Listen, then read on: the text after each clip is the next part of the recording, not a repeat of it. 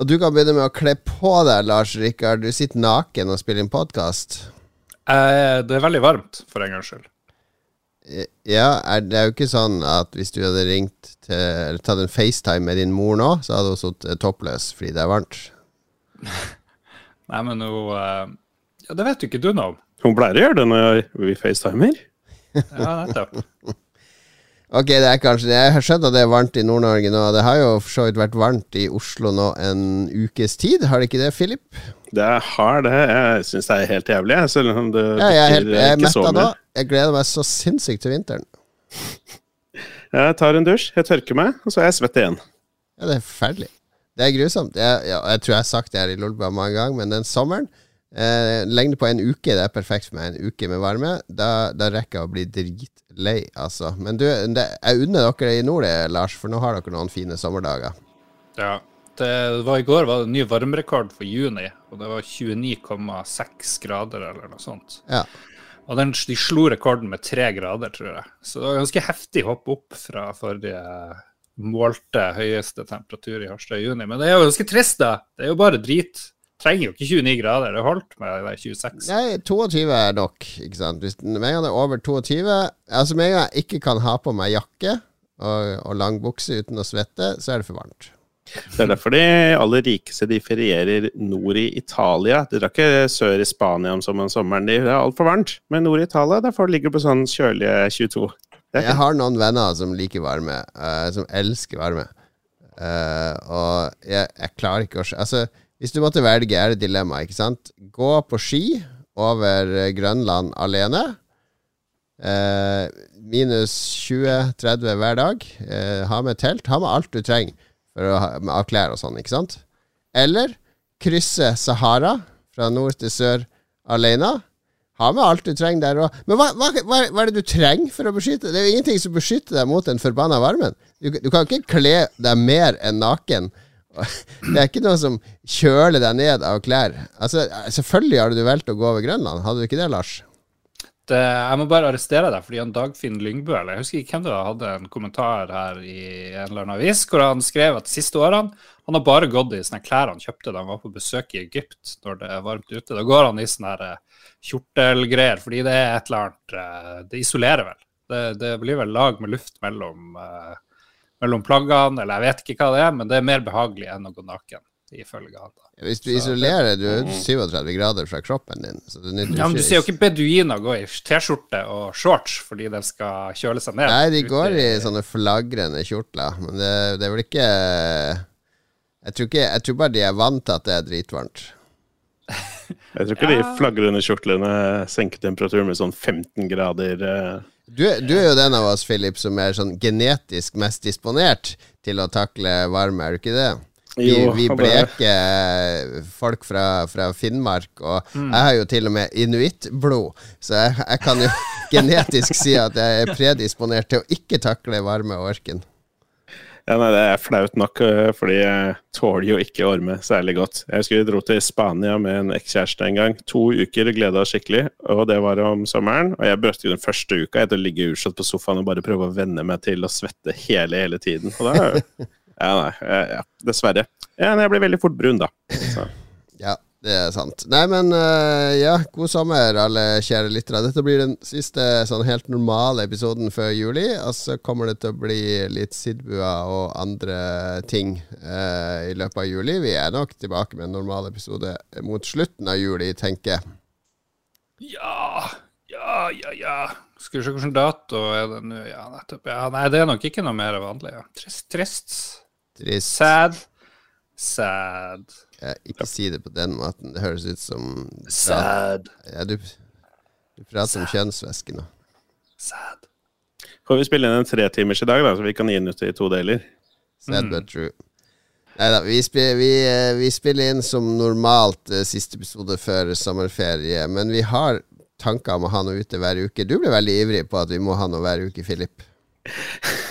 ja, jeg, får litt dårlig samvittighet, for jeg vil ikke liksom eh, tvinge noen til å gjøre noe. Men jeg tenkte liksom at jeg, det, eh, spesielt i fjor og året før der med, med korona og sånn, så var Lolba jævlig gode til å levere en ny episode hver eneste uke året rundt, på en måte. Jeg tenkte med litt planlegging, kanskje vi kunne fått til det i juli også, men eh, med det er litt ferieavvikling og sånn, så det er forståelig at vi legger inn noen alternativer.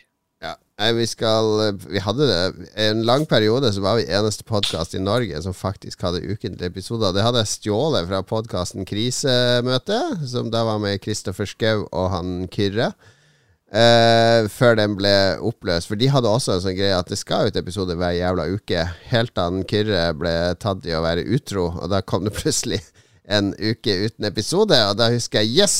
De hadde et halvt års forsprang på oss. Da var det et halvt år, og da var det Nå er vi den lengstlevende podkasten i Norge med ukentlige episoder. Men vi også kollapsa en sommer for et par år siden.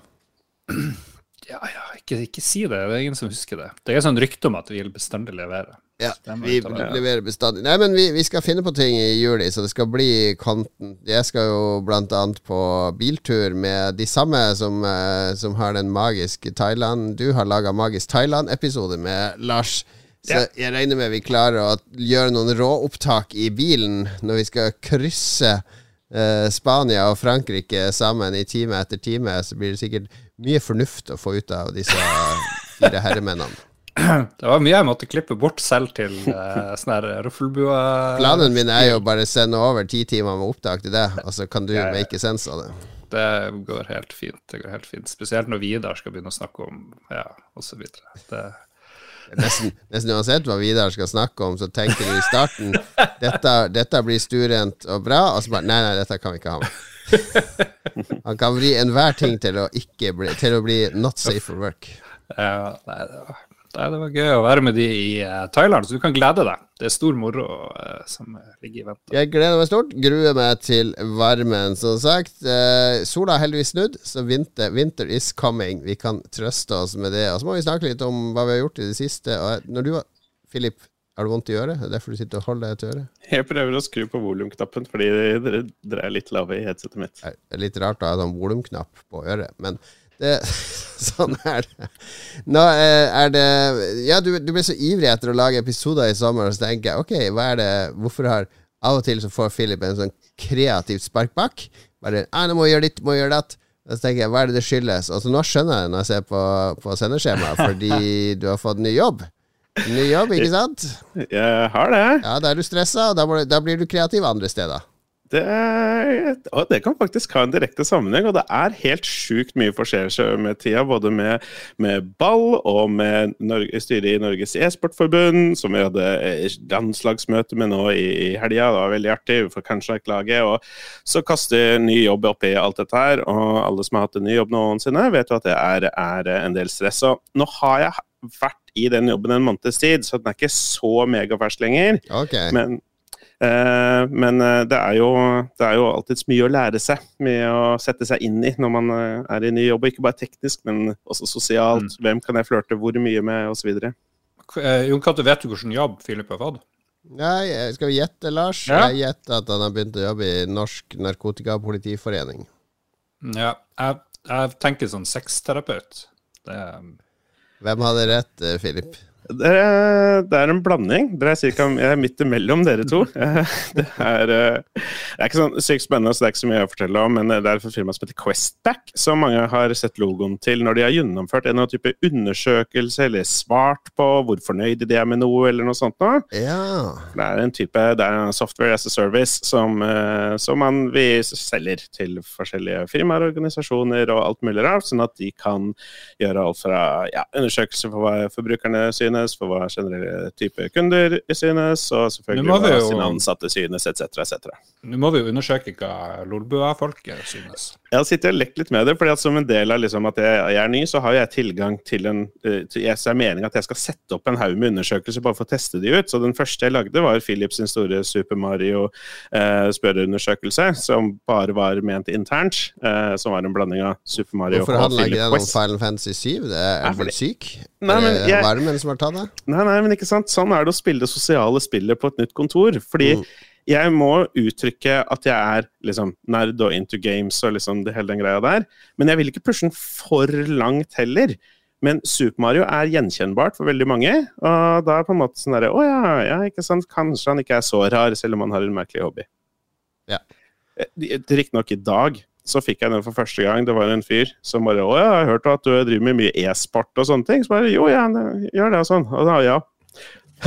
Sport, ja. Jeg jeg skjønte ikke hva han mente. Jeg trodde han tulla. Bare Men han var, sånn, rett ned. han var en sånn mega håndballfyr da, som driver og holder på med det flere ganger i uka. sånne ting, Så han eh, ordentlig sport. Altså, så han, eh, han skjønte seg ikke på det, hvordan dataspillgreiene kan være liksom sport. Jeg, jeg gikk ikke så mye inn på det. Du kan bare svare at jeg, jeg skjønner heller ikke hvordan voksne mennesker kan drive og leke med ball, men eh, det er nå en annen sak. Ja, Oh. Kaste ball, mellom seg. Skal vi ut, ut, bli med ut og kaste litt ball? Ja. Hvor, mange, hvor mange er på kontoret? Hvor mange er det omgås eh, der? Eh, ganske mange. Det er ganske ålreit. Eh, jeg hadde jo en jobb som jeg snakka om for ca. et år siden, hvor jeg begynte å jobbe i et ganske lite firma. Da tenkte jeg å det blir bra, da kan jeg skinne som en del av noen få og vokse med de og sånne ting. Problemet med et lite firma at de har ikke noe særlig støtteapparat i form av liksom HR-avdeling, eh, egen finansavdeling og sånne ting, så alt er jo liksom all over the place, og det var helt jævlig. Eh, så, eh, men dette er et mellomstort til stort firma. Vi er flere hundre mennesker, og vi er spredd i hele Norden og Nederland, så det er ålreit. Har fine kontorer oppe på Majorstua koser meg fint. Ja. Hva er uh, premisset, grunnlaget for Questback? Grunnlaget for Questback er jo at du, det er godt å ha data om hva folk synes om deg, både internt og eksternt. Ifølge Wikipedia så er uh, Questback grunnlagt på det enkle premisset om at mennesker er viktige. Ja, shit! Ok. Edit, edit. Um, Din forrige jobb er jo litt hemmelig hva, hvor det er, og sånn, men, og da kan du vel si komme med historie om hvorfor du slutta og sånt. Ja, det var bare fordi generelt sett alt var forferdelig. Uh, Blei ansatt. Og det måtte, liksom, du får ny jobb, og så får du beskjed om at ja, den første uka så må du reise ut til det kontoret her som er en time utenfor byen, og lære. Og så tenker du ok, greit, og så gjør du det. Så får du beskjed om å jobbe en uke til der ute, så gjør du det. Og så får du beskjed om at de to første ukene var jo ikke betalt, for da er du under opplæring. What? Ikke sant. Eh, når man legger seg på det nivået der, så er det, det er ganske dårlig utgangspunkt. Da, og det tok jo ikke lange tida etter at jeg snakka litt med de andre ansatte, at alt av kontrakter og sånn var jo all over the place. Det var til og med en som jobba uten, så vidt jeg skjønte. Og de ville jo ansatte folk på enkeltmannsforetakskontrakter i stedet Mm. for å ansette de, de Og det var jo for å kunne lure seg unna at all mulig lønn de, klar, de kunne. Og jeg måtte av, av den totale lønna jeg tjente der over de to månedene jeg var der, så måtte jeg krangle til meg type de to siste tusen kronene som de var liksom skikkelig lite gira på å gi meg fordi et eller annet tull. Og det er liksom Det er på, ja, på det nivået. Jeg Er snakker med en er det noen grunn til at det må være hemmelig, eller kan du ikke bare si at det var Spillmatic du, du jobba for? Jo, men jeg og Erling er liksom gode venner fortsatt, da. Ja. De, de andre hater meg jo, men uh, uh, Nei, det var ganske slitsomt. Jeg snakka med noen tidligere kollegaer derfra her om dagen, og nå har alle slutta. Så det, Nice. tok- ja, det var like greit. Men Questback er jo sånn der spørresurveys og sånne ting. Du driver ikke og pynter litt på noe at jobben din egentlig er å ringe et nummer og så bare Hei, jeg ringer fra Questback. Vi lurer på Tine Melk, om vi kan stille deg noen spørsmål? Det er overraskende mange som har tenkt det når jeg fortalte om jobben min, så jeg selger det åpenbart veldig dårlig, fordi vi selger bare løsningene. Vi har ikke noe med, Ja. med på en måte gjennomførelsen uh, å gjøre. Det er som Jeopardy, du har ikke svarene, du har spørsmålene. exactly. All right. eh, jeg har jo fått covid siden sist. What? Veldig syk. Jeg har blitt en av de svake folkene. nei, nei. nei. Oh. Kombinasjonen covid og det været som har vært i Oslo det siste, med sånn der eh, 28 grader, og så plutselig har det vært sinnssykt mye regn og sånn fuktighet. Varme og fuktighet er det verste som finnes. Da er det umulig å holde seg tørr. Og så i tillegg av feber. Det har vært ganske slitsomt de siste dagene. Og eh, grunnen til jeg fikk covid, tror jeg da, er jo for jeg var så dum å dra på der, eh, denne bondefestivalen Tons of Rock, som de av en eller annen grunn har flytta til Oslo. For det er Gam, det gamle menn ute på lufting og hører på musikk. Ja, det, var, det er en skikkelig sånn gamlis eh, bondefestival som har inntatt Ekebergsletta. De var jo i Fredrikstad, eller i Halden, i mange år. Gjorde det stort der. Hadde jo konserter med Black Sabbath og masse svære band der. Og så fant noen ut at hvis vi skal gjøre det enda større, så må vi flytte til Oslo. Ikke sant? Det er den tankegangen Lars hater. Eh, kan ikke ha det fint i distriktene, må ha det inn til Oslo. Jeg er for så vidt enig i den tankegangen når det gjelder Tons of Rock, for det er vel 30 000 billetter de driver og selger. Altså det er flere folk enn hele Harstad som skal opp på den Ekebergsletta. Og så syns jeg det var eh, Jeg synes det var god, grei logistikk på den festivalen. Jeg er jo vant til Øya og Kvart og et par andre festivaler. Det, det, det er grei logistikk, men litt sånn dårlig scenelogistikk med at to scener når de spilte samtidig. Hvis du, var, jeg kunne si, liksom, hvis du ikke var tett ved de to scenene, så hørte du den andre scenen. Så det var ikke sånn du kunne ligge litt i bakgrunnen og bare høre på musikken fra den ene scenen. Det ble helt ødelagt. Det, det syns jeg var litt dårlig logistikk. Ja, for du vil jo gjerne chille litt på det kunstgresset, eller hva det kan Ja, være. ja. på, Ja, for når du er så gammel som Jon Cato er. ja, ja, og har Altså, korona. En greie med festivaler er jo òg at man må spise på de. Og her var det jo litt av hvert av mat. Vietnam, Thailand. Aldri sett så høye matpriser. Sånn der eh, 80 kroner for en bitte liten vårrull. Og det var kun en vårrull. Det er helt avsindig. Det var sånn 180 kroner for en sånn der sliderburger, liksom. Fire munnfulle av burger. Altså, det, var, det var så dyre priser at jeg ble, jeg ble så provosert at jeg nekta å spise, rett og slett, eh, andre dagen. Av de Og, og pizza. Pizzabakeren. Sånn helt vanlig pizzabakeren-pizza med ost og skinke. 300 fuckings spenn! Det koster 200 på pizzabakeren. Hvorfor i all verden skal det koste 300 ut på Ekebergsletta? Så terningkast én til det der råtne, overprisa mattilbudet. Øla var god, eh, og så var det noe god musikk, men det var, det var sånn derre det var, det var bare gamlinger der, ikke sant. Skal på Iron Maiden og sånn. Og så var det noen få unge. Sånn at Five Finger Death Punch og litt mer sånn moderne band, det, det slo ikke helt an. Og når jeg ser på programmet til andre metal-festivaler, som Copenhell og, og det som er i nærheten, de har et mye, mye bedre program enn Tons of Rock. Eh, rett og slett. Det er litt sånn schizofrent. CC Cowboys, det har ingenting på Tons of Rock å gjøre. Det er, det er sånn der gubberock nede i Sandvika. Eh, på Bærum, ute i Drøbak. Det skal ikke opp på Ekebergsletta sammen med Iron Maiden og black metal og Sepultura og sånne ting. Så det, det var litt sånn Det var sånn feil gubbefaktor på det. Det burde vært mer klassisk metal. Det burde vært eh, mer ekstrem metal. Det var wigwam og sånne ting. Jeg, jeg, det er ikke derfor man går på Tons of Rock. Altså, jeg jeg syns det var en terningkast tre-festival, rett og slett. Og pluss at jeg fikk covid der, så svak treer. Hva var høydepunktene? Jeg hørte at Iron Maiden kanskje var helt OK?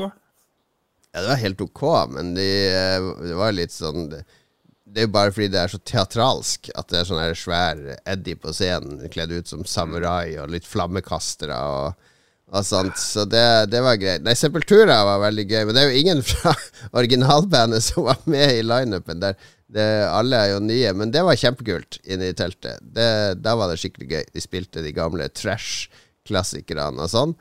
Og så var det der danske DAD, Disneyland After Dark, som de opprinnelig het. Det var litt gøy. Og så Sum 41, det hadde jeg ikke trodd, for det liker jeg egentlig ikke på plate, men live Det var utrolig, utrolig punch, punch i det bandet.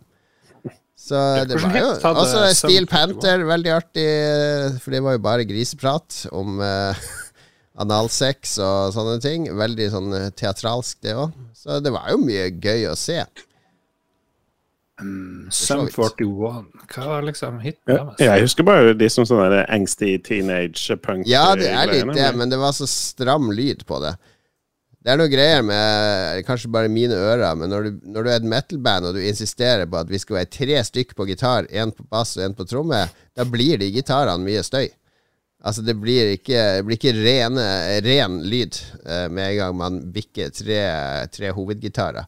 Jeg vet hun skal spille riff, og han der skal spille en sånn melodisk greie oppå det igjen. Det, det blir en grøt, uansett hvor bra eh, produsent du har. Så 741, det var liksom tighte gitarer. Ok. Uh, og så fikk du korona. Hva du tenkte da du fikk korona? Da du skjønte at du hadde det? Nå driver jo Katt og eh, bestiller Bestiller pizza, tror jeg. Jeg ha pi- pizzabakeren er på døra, tror jeg. Ja, det er pizzabakeren. Jeg så en ganske banger tweet om at noen lette etter en kompis som på Tons of Rock på 40 pluss med skjegg. Uh, og den fikk veldig mye, veldig mye likes. Utrolig morsomt. Uh, noe som gikk igjen. Ja. Hadde band-T-skjorte, hvis det hjalp. Jeg hadde ikke band Jeg har jo kasta alle mine gamle band-T-skjorter, det- så jeg What? måtte gå med Death Stranding-T-skjorta mi, for det var det som ligna mest på en sånn black metal eh, Eller metal-band. For det er sånn Det er jo hilarious. Renn ned av bokstavene og sånn. Det tenkte jeg bare når du sendte den snappen, at ja, godt valg, den glir inn. Jeg Vet ikke hva som skulle vært der, men som hadde sin premiere på Festspillene? Det er jo Festspill i Nord-Norge her, liksom, svær kulturgreie. Og der var Witch Club Satan, som er en gjeng damer som står omtrent toppløse. Eller de er vel toppløse, så har de vel noe sånn tynn truse og noen andre klær. Og de eh, rocka visstnok helt absurd bra. Jeg var dessverre ikke der, da. Så det, de skulle vært der nede. Det jeg passer inn. Ja, ja. Ja, det hadde vært bra. Nei, men jeg, jeg tenker at det er, det er en hyggelig festival for uh, rockere og sånn. Men den står i skyggen av sine nordiske brødre, så de må gjøre et eller annet for å løfte den opp. For det programmet må bli enda skarpere. Og så er det selvfølgelig eneste grunn til, hovedgrunnen til at jeg hadde kjøpt de billettene, var for å se Fate No More, som ikke kom. Så det hadde nok løfta det for min del. Men den er sykdommen din. Hvordan går det med deg? Ja. Er du frisk? Skal du Ja, nei, påvirke det ferieplanene? Jeg er fortsatt, uh, fortsatt sjuk. Jeg sov i to timer rett før denne innspillinga her, fordi jeg driver og sovner hele tida.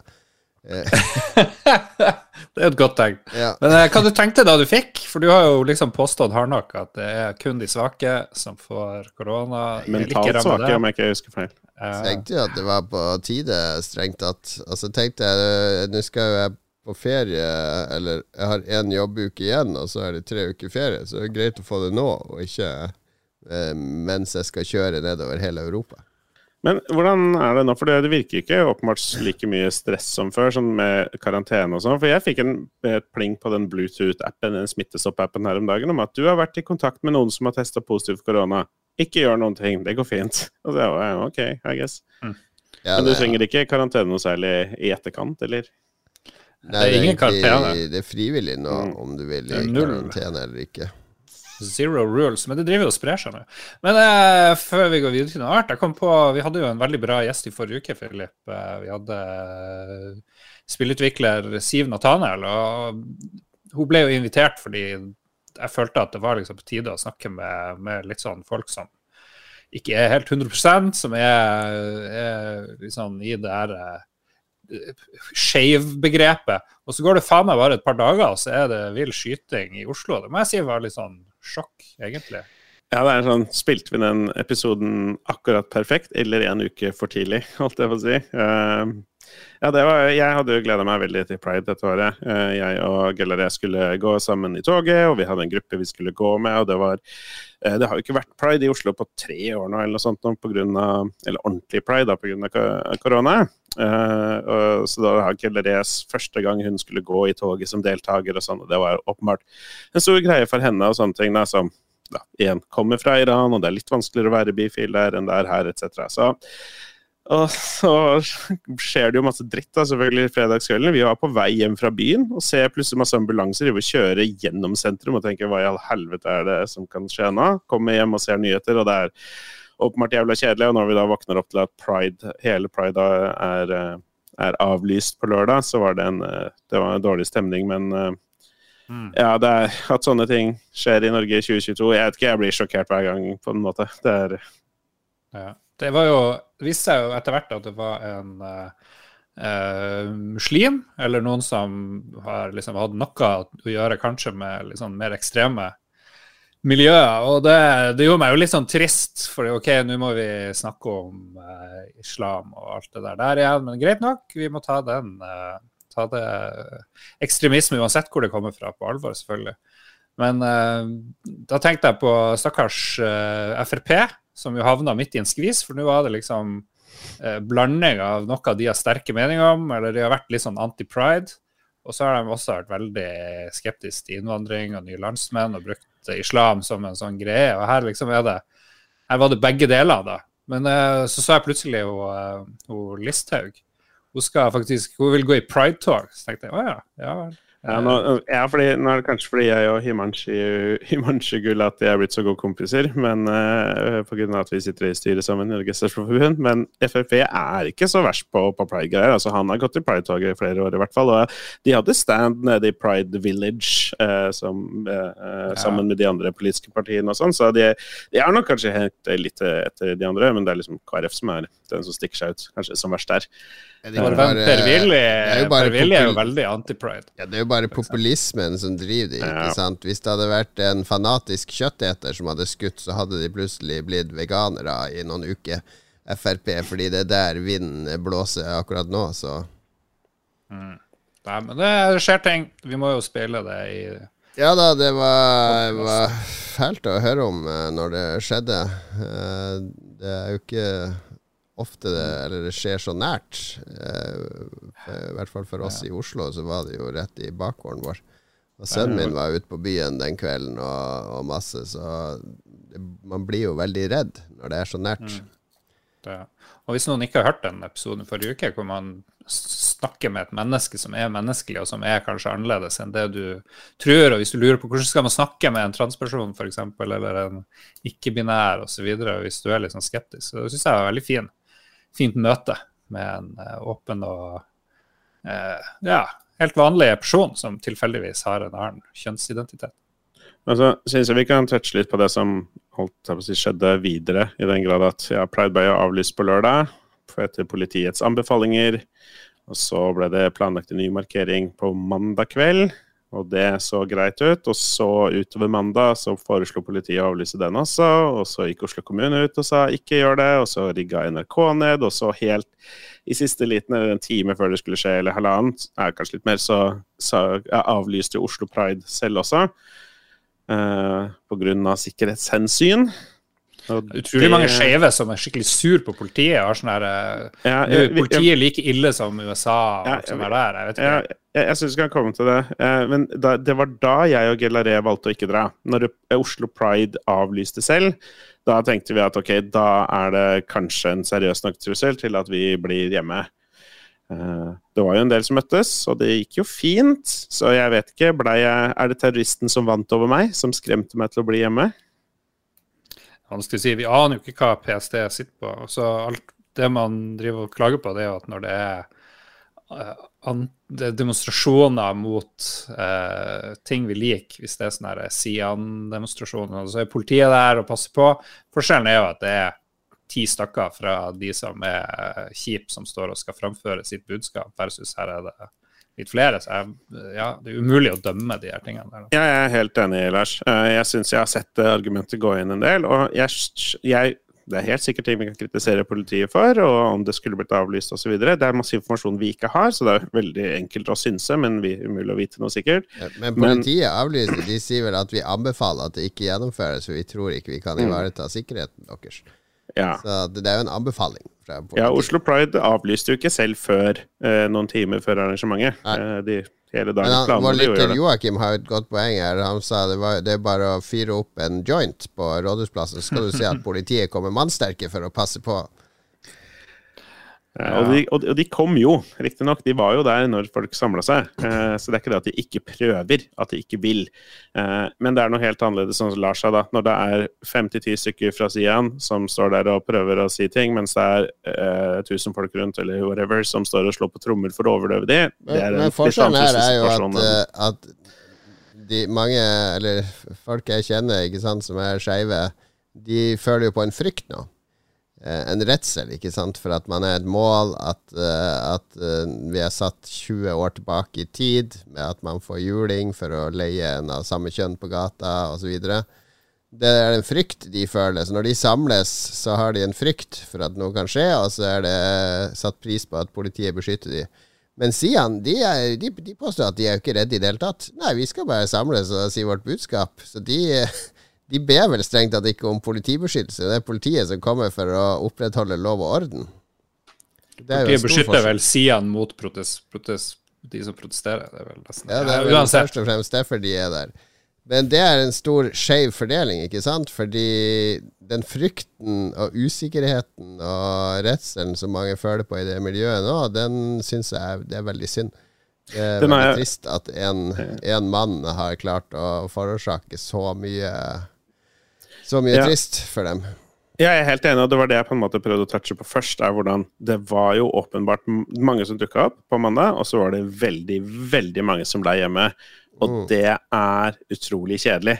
Eh, at vi skal skremmes til å ikke ha pride-parader. Er Fordi det er jo det han ville, holdt jeg på å si. Og det, Jeg syns Sylvi Listhaug skulle ta steget helt ut og foreslå at vi har et helt pride-år i stedet for en pride-måned. Så får vi se hvor pridevennlig hun faktisk har blitt. Ja, det hadde vært noe. Ja, nei, jeg, bare, jeg kan forstå at man er nervøse når det er snakk om å samle titalls, om ikke 100 000 mennesker, øh, når det er det man opplever som en pågående trussel. Det var i hvert fall derfor vi ikke turte å dra. Fordi i tilfelle det hadde skjedd noe, så hadde jeg aldri tilgitt meg selv hvis noe hadde skjedd med Gelleré, liksom. Så det hadde vært litt dust. Ja. Er, du, er du beskyttende overfor din eh, kjæreste? Ja, det man burde jo være det. Hvis man er glad i noen, så har man jo lyst til at de skal ha det fint. Ja, jeg syns det var litt, eh, litt sånn old school kavalersk. Ja, hvis det det. hjelper, så hadde jeg ikke villet at dere skulle dratt i et aktivt terroristmål heller. Nei. Lars tenker jeg er litt mer som George Costanza. At hvis det begynner å brenne i hans nye hjem, i hans nye familie, så er han først ut døra. TV-en, Ja. og så TV-en! og så hvor er barna? Vekker ikke engang. Bare Stemmer det. Jeg har fått barna til å bære TV-en mens jeg står ute og ringer politiet.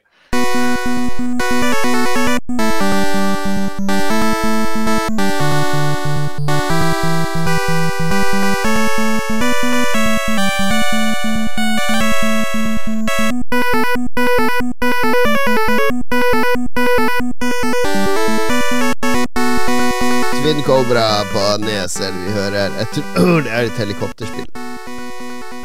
Get to the chopper! Get to the choppa og spill litt dataspill, for nå skal det handle om hva vi har spilt i det siste. Og jeg ser jo at jeg har det eneste nye her. Jeg har uh, faktisk levert en anmeldelse til Aftenposten på F122. For eller det heter Den fulle tittelen er EA Sports F122. Som det nå heter etter at Electronic Arts kjøpte utvikleren Codemasters, som lager det offisielle Formel 1-spillet. Det er vel det 14. Formel 1-spillet på rad som Codemasters har laga. Så det spilte jeg masse. Begynte på det forrige uke, og så fikk jeg covid, så jeg prøvde liksom å spille litt mens jeg har vært sjuk. Det er ikke så gøy å sitte med 39 i feber og prøve å, å kjøre en Formel 1-bil. I hvert fall ikke i VR. Det dogger sånn inni de VR-headsetet når, man- når det i tillegg er 30 grader, og man har eh, 39 grader i feber. Da svetter man bra. Jeg har skifta litt T-skjorte. Du, på, du spilte på sånn hardcore uh, vanskelighetsgrad. Jeg spilte mye før jeg ble sjuk, så jeg måtte egentlig bare sjekke nyeste patchen og sånn etter jeg ble sjuk. Men jeg spiller jo med full simulatorsettings på alt. Uh, ingen hjelpemidler og sånne ting. Uh, og så er det jo Det som er med årlige Formel 1-spill, er jo at det er jo ikke så ofte ikke så mye nytt fra år til år. Men i år så er det jo ganske mye forandringer i selve sporten. Altså Bilene har jo blitt veldig endra, og det har de fått til bra i spillet, for det er en veldig annerledes kjøremodell. Bilene føles litt sånn tyngre. De, de er dårligere når du kjører sakte, mens bedre når du kjører fort. Altså, du har eh, god, mye bedre kontroll i svinger og sånn, men de, har, de er veldig sånn fikli å kjøre når det går litt sakte. Så det virker som det speiler virkeligheten ganske bra. Dekk, slitasje og sånn er mye bedre. Alt det er helt topp. Kjørefølelsen er helt topp. Og så er det klart da, det, er veldig mange som klager på nett nå, fordi det er ute i sånne early access. Altså Hvis du kjøper den championship edition, som det heter, for 1000 spenn, så får du tilgang tre dager før lansering. Så en av de store nyhetene er jo VR-støtte, og der er det vilt mye klaging nå. Og det er ikke 100% optimalisert for VR ennå, men jeg har etter et par timer knoting funnet gode innstillinger, da. Så at det kjører i 90 frames og ikke er noe støttring og sånn. Så jeg har jo kjørt eh, et helt altså 29 runder i VR og kommet på andreplass med Verstappen i ræva i 66 siste rundene, som fortvilt prøver å komme forbi. Det er ganske gøy i VR. For I VR så har du ikke så mange hjelp Du har ikke noe hjelpemidler, så jeg må bruke sidespeilene. Ikke sant? Så det er akkurat som du ser på TV. Du du må sitte og se deg til siden hele tida for å se de her speilene. Og, og hvor nært det er Verstappen, og kan jeg blokke han, og sånn. Og det, det var helt magisk eh, å kjøre Jeddah 29 timer med å duellere med Verstappen. Det er jo sånn eh, veltebøyle over cockpiten, en sånn, sånne svære, svarte metallstolper som liksom skal beskytte hodet til føreren. Det, ser du mer av det i VR? Ja, du ser jo alt det i VR, men du kan slå av den midtstanga som er foran, så det bare blir en strek. Mm. Uh, men du kan også ha den på, for det, du, du, ser mye bedre forbi de i VR enn du gjør når du har det på skjerm.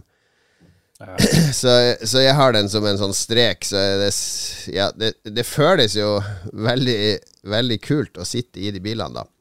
Uh, men det var mye knot for å få det til å flyte på min PC, så jeg skjønner at folk har problemer.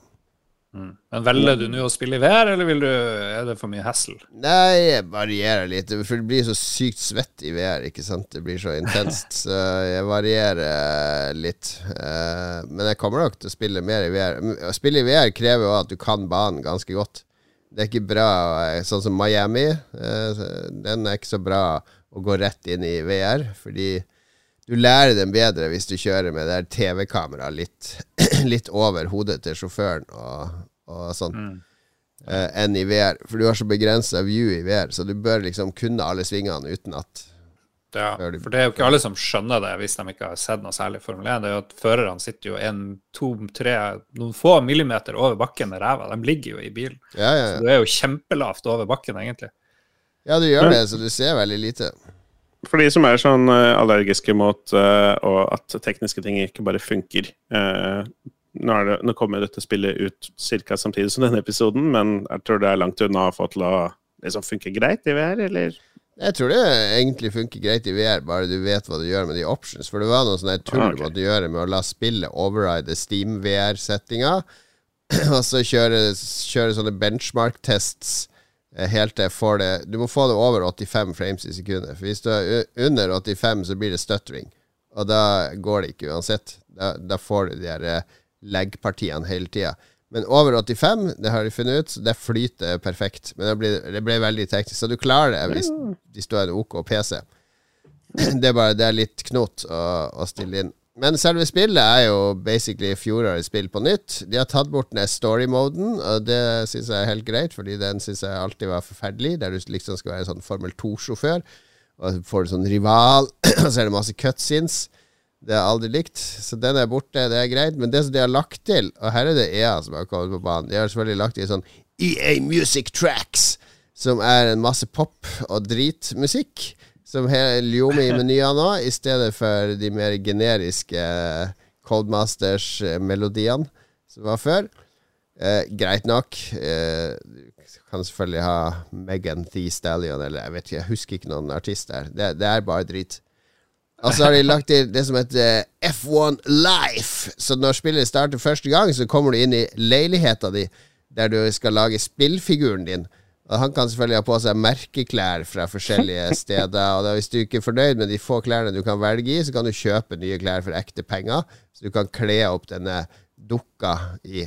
Og så kan du innrede dette dukkehuset hans med Sette en sportsbil i stua, og så ta den sofaen og de veggene og du kan lage en sånn luksusleilighet. Og det syns jeg er helt forferdelig motbydelig, idiotisk drit.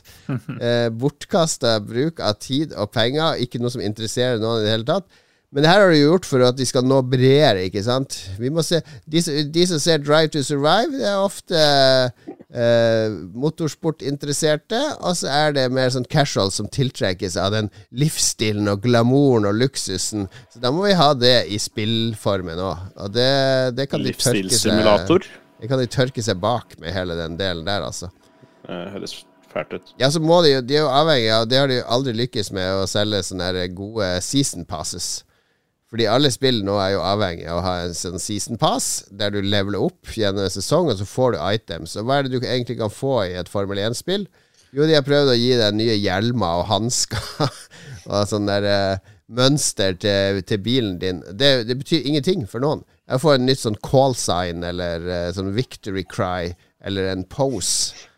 Eh, folk bryr seg ikke. Så, så er det sikkert noen smarte IA som har tenkt Ja, nå kan vi gi de nye sofaer og og uh, eh, nye headphones som de kan putte på den der dukka de har laga i leiligheta si. Dette kommer til å selge season passes. Jeg håper de ikke gjør det. Ja, det er jo noen som liker sånne ting, da. Men uh, åpenbart Du kan holde det til The Sims. Jeg spiller jo ikke et Formel 1-spill for å sitte i en dukkestue og, og tro Her sitter jeg, feit 50 år gammel mann, bleik og, og, og ondt, sliter med korona, usunn livsstil, og så skal jeg liksom eh, se på skjermen denne 22 år gamle avataren min som sitter i en luksusleilighet og har masse venner på besøk for å se på sportsspillene sine. Hva skal det gi meg? Hva skal det inspirere meg til? Det er rett og slett nedlatende overfor meg. La, gi, meg en kjeller, gi meg en mørk kjellerstue med en gamingrigg som jeg kan oppgradere i spillet, så hadde det vært mer eh, sannferdig overfor spillerne dine.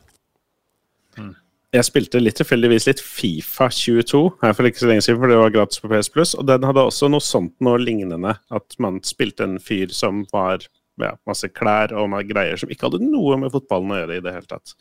Ble ikke så bought into that. Nei, det, det, er, det er en sånn der uh, Jeg vet ikke Kan ikke folk bare få være seg sjøl og jakte på sine egne drømmer? Må du alltid få presentert denne Instagram-luksuslivet som det ultimate du kan strekke deg etter? Jeg syns det er uh, provoserende i seg sjøl. Et lykkelig liv er en leilighet til 50 millioner med møbler til 20 millioner, liksom. Men kan det. du skippe hele greia, eller må du liksom ta Ja, etter en sånn obligatorisk intro, så kan du bare se bort fra hele greia, heldigvis. Så ja. Den andre nyvinninga er at du kan kjøre de her uh, supercars, som de kaller det, som er disse bilene de kjører når det er gult flagg. Uh, safety caren som kommer ut de kan jo kjøre i sånne småløp mellom løpene. De, de har helt forferdelig handling og har egentlig ingenting med Formel 1 å gjøre, det heller, så det er også helt skivebom. Men det er også en, en smart executive som har kommet opp. Hvis vi har disse topptrimma sportsbilene med, så vil jeg appellere til enda flere. Jeg bare faller bort. Jeg, skal, jeg, vil kjøre Formel 1. Det de ikke har klart å gjøre, det er for eksempel fortsatt ikke røde flagg kan aldri bli rødt flagg og restart av løp. Nei, det er umulig å implementere. Selvfølgelig er det umulig å implementere fordi du skal lage sånn dukkehus og kjøre safety cars i stedet for å forbedre kjernespillopplevelsen. Mm. Uh, ok. Kan du uh, spille online? Har du prøvd det? Ja, du kan spille online, men uh, jeg fikk beskjed om at de er banna. så det, Oi, det, det, det, er masse folk som har fått beskjed om at de er banna. Det er en bug med det Early Access-greia, så jeg er sikkert unbanna snart. Men du kan kjøre online. Da handler det bare om å overleve første to minuttene, fordi de første fem svingene så blir man torpedert. Mens når alle de er ute av løpet, så kan de som er igjen, ha et normalt løp. Eh, jeg har alltid følt at denne serien har vært litt sånn simulatororientert. Men nå høres det ut som ja. Nei, det er altså når du kjører singleplayer Det som jeg gjør, jeg har et Lolbua-team, ikke sant, der vi har laga vår egen bil, og vi er sånn der contender. Vi er helt nye. Vi er basically Has forrige sesong. Stille sist, og der må du utvikle deler til bilen, sånn at den henger med i det development-racet. Og så må du ta masse valg underveis. Og vi har dilemma i denne avdelinga. Skal vi prioritere dette eller dette? Uh, og så kjemper man med laget sitt, og så får du velge andre sjåfør. Av en eller annen grunn så er ikke Dennis Hauger med i spillet. Mens han, han som de har kasta ut, han Juri Vips, som ikke klarte å streame uten å bruke rasistiske ord, han, han kan man velge som andre sjåfør. Uh, så, så jeg, jeg anbefaler EA å få ut han, og heller få inn Dennis Hauger. Jeg vil gjerne ha han som andre sjåfør på Lolbua. Ja, det er noe å legge inn i season pass-contentet. Ja, det kan godt hende at de gjør. Fordi tidligere så har det jo vært sånne Ayrton Senna og sånne klassiske sjåfører. Og det er også noe som jeg gjerne vil ha. Jeg vil ha klassiske biler. For det har vært de gamle Formel 1-spill. Kjøre biler fra 80- og 90-tallet og sammenligne de med dagens biler. Men Nå ble det mye Formel 1 22, men spillet er bra. altså Hvis du er opptatt av Formel 1, så må du spille det her, ikke sant? fordi det er ganske tett til dagens sesong. Uh, når du kjører mot datamaskinen Leclerc og Verstappen og Science og Perez er i en klasse for seg. Det er akkurat som virkeligheten. Hamilton er totalt ustabil. Han er ferdig å finishe på sånn her uh, bottom five og sånn av og til. Altså noen ganger oppe i topp fem. Uh, så at de har tatt stats fra virkeligheten. Det er en ganske artig Formel 1-video på nett der sjåførene revealer hverandre sine stats, altså de ekte sjåførene. skal gjette på hva er lagkameraten mine sine stats, og så se hvor nært de kommer. Den er litt artig. Jeg la merke til at Hamilton og Russell er ikke med der. Jeg tror Hamilton fikk litt primadonna-nykker når han så at statene hans hadde gått ned, og nekta å bli med på den videoen. men jeg, Sorry, nå blir det Formel 1-greier, men dere liker jo det. Eh, jeg, for det som for det meste har sett Drive to Survive, og egentlig ikke har sett den siste sesongen, kanskje fordi man gikk litt lei av hele konseptet. Uh, hva skjedde med Hamilton? Sist jeg liksom fulgte med i det hele tatt, så var jo han sånn megadominerende. Og nå Ja, ja han lå jo an til å vinne siste eller forrige sesong. Eh, han og Verstappen drev og kniva helt i toppen, og så gjorde begge gjorde jo feil som gjorde at de ble tatt fra seieren. Hamilton eh, hadde noen uhell, og Verstappen hadde noen uhell, så alt ble avgjort på siste løp. Og så tror jeg han fikk en liten knekk da, fordi det var jo litt sånn kontroversielt siste løp. Han race directoren, han Michael Masi, måtte gå etter den pga. Eh, massive Jeg tror hele Mercedes trua med å trekke seg fra Formel 1 permanent pga. den siste sesongen. Du vet kanskje ja, det var ganske heftig. Ja, nei, det, det, ble avgjort på de siste rundene, hvor det var noe gult flagg, alle biler måtte kjøre sakte og sånn, og så var det snakk om hvordan skal, hvordan skal det gjennomføres der, og så lagde han sine egne regler, han der race director. Ja. Så kunne, kunne Verstappen bytte dekk, og så hadde han mye bedre bil på slutten av løpet, og så bare ja, ja. Det, hadde, altså, det, kunne, det var 50-50 hvem av de som kunne vinne, egentlig. Fordi det kunne vært avgjort tidligere òg, hvis ikke Verstappen hadde punktert i det løpet, eller Louis hadde kjørt ut i det løpet, osv. Mm -hmm. ja. Det spennende nå er jo at han eh, lagkameraten, helt nye lagkameraten til Hamilton, har mye flere poeng enn uh, ja, han har det. Hamilton. Men ja, så, det var så mye regulation changes nå, Philip, så alle bilene er basically helt nye. Og der har Mercedes bomma en del med bilen sin. Ah. Fordi Red Bull og Ferrari har helt klart de raskeste bilene nå. Uh, de er litt sånn forskjell i hvor de er raske og sånne ting. Red Bull tror jeg er best i svingene nå, mens Ferrari er best på strekningen, eller er det motsatt?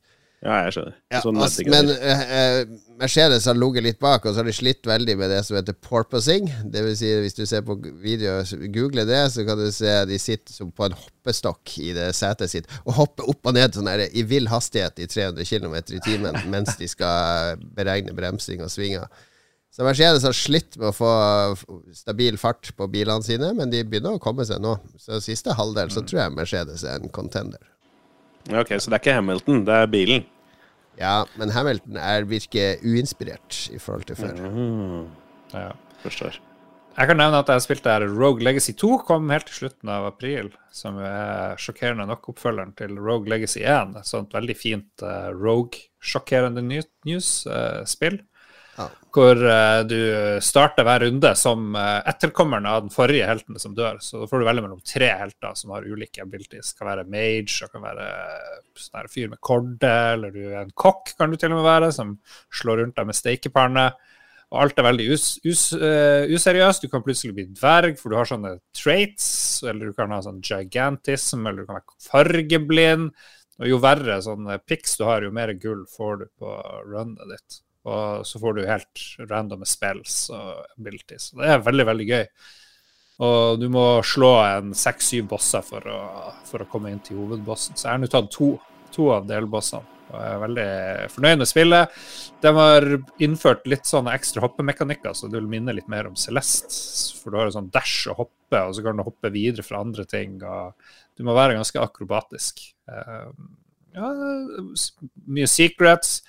Uh, kjempeartig spill. Masse useriøse fiender, masse rare ting som skjer. Du kan få sånn fjerte-powers. Ja. Hver nice.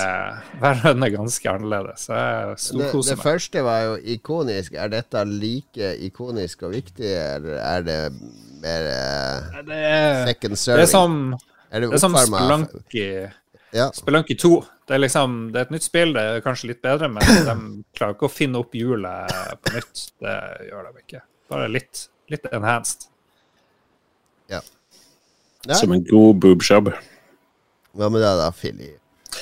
Eh, jeg har jo ikke spilt noen nye greier, dessverre. Jeg har holdt meg i det gamle. Mye er pga. Eh, Punti, vår eh, nå kjære familiepodkast-spill, som har lånt meg en slik en Guitar Hero-gitar til 360 som da fungerer på PC, og jeg plugger den rett inn. Eh, det er noe jeg skal bruke til et annet, eh, ikke så hemmelig prosjekt senere. Men når jeg først hadde den, så måtte jeg jo installere Clone Hero, som da er Guitar Hero slash rockband slash whatever greier. Men bare Insane Clone Posse-låta siden det heter Clone Hero. Ja, det hadde vært bra. Jeg, jeg, jeg lasta ned den først, faktisk. Men så lasta jeg den riktig etterpå, og så fikk jeg tak i Clone Hero. Og det er jo en ja, Guitar Hero-klone, som navnet tilsier, hvor du kan laste ned alt mulig av låter som folk har, har lagd. Um, det er selvfølgelig noen svære sånne pakker som jeg lasta ned, med Guitar Hero 1, 2, 3, Rockband 1 og 2, all DLC-en til alle spillene og sånne ting. Eh, og så begynte jeg å søke litt rundt på tilfeldige låter som var kule, og det var det masse av, men de finnes kun i ekspert vanskelighetsgrad. Eh, så det er, det er litt tyngre. Eh, men eh, de gamle, gamle ferdighetene de satt ikke så verst. Du også, Jon Cato, dro jo fram Rockband 1 etter å ikke ha spilt på lenge. Ja, da, jeg, fordi Rock Band 4 er jo på Xbox One. Det var jo Xbox jeg spilte på. Uh, og da var all DLC-en min også kunne laste ned, så jeg hadde jo 1000 låter eller noe sånt. Uh, så det var mulig å spille på Xbox, rett og slett. Ja, for dette er jo veldig ikke offisielt eh, på noen måte. Eh, så jeg tok en liten sjanse når jeg streama det på Twitch-kanalen vår, men jeg tenkte ja, ja, det går sikkert fint, og det gjorde det for så vidt. Eh, men det er gøy å spille Guitar Hero igjen. Jeg husker jo nå hvorfor jeg har brukt timevis på det tidligere, når det var på sin høydere. Eh, kanskje Guitar, ja, bare Guitar 1, 2 og 3 og Rock Band 1 var Jeg spilte veldig, veldig mye. Eh, så det, det er veldig artig. Det liker jeg godt. Og spesielt alle Final Fantasy 7-låtene som jeg har funnet. det er masse bra Uematsu-musikk i gitarer, sånn rocka versjoner. Ja, ja, men det er bra å høre. Ja, så det er artig. Eh, kan anbefales. Ja, hvis du liker gitarer og vil ha et gjensyn med det, dra den fram fra boden. Eh, putt den i PC-en og kjør på. Men jeg har jo også gått ned nostalgiens veier i Tekken 7. Um, jeg har jo spilt masse masse Tekken da jeg var yngre, og var ikke så verst heller i Tekken sånn 3 og 4. Tag Team 1. Um, uh, men jeg har ikke spilt på kjempelenge. Så er det jo via Norges Airsoft-forbund at jeg driver og arrangerer kvalifiseringa til VM i Bali, hvor vi skal sende én til å representere oss i Tekken. Uh, og da har jeg kanskje vært litt rappkjefta, så har jeg lovt at hvis de trenger én person til å liksom fylle ut bracketen, så skal jeg melde meg på, da, da skal jeg delta. Eh, Og så tenkte jeg det får jeg jo stå for, da. Eh, og da er det kanskje greit å være litt grann forberedt. Så jeg har spilt litt Tekken 7 i det siste. Jeg vet ikke om noen av dere har vært så seint på, på den franchisen. Du, skal, du har som mål å kunne hevde det. Altså, du må lære deg alle tihits-komboene, er det det? Jeg har som mål å kunne delta uten å drite meg ut helt. Ja. Ja. Ok. ja. Nei, jeg hadde håpa på litt mer sånn Å nei, Tekken er kjipt. Jeg liker Street Fighter, jeg. Ja, nei, vi er ferdig med slåssespill. Ja, Jeg tror jeg er helt ferdig med slåssespill, faktisk.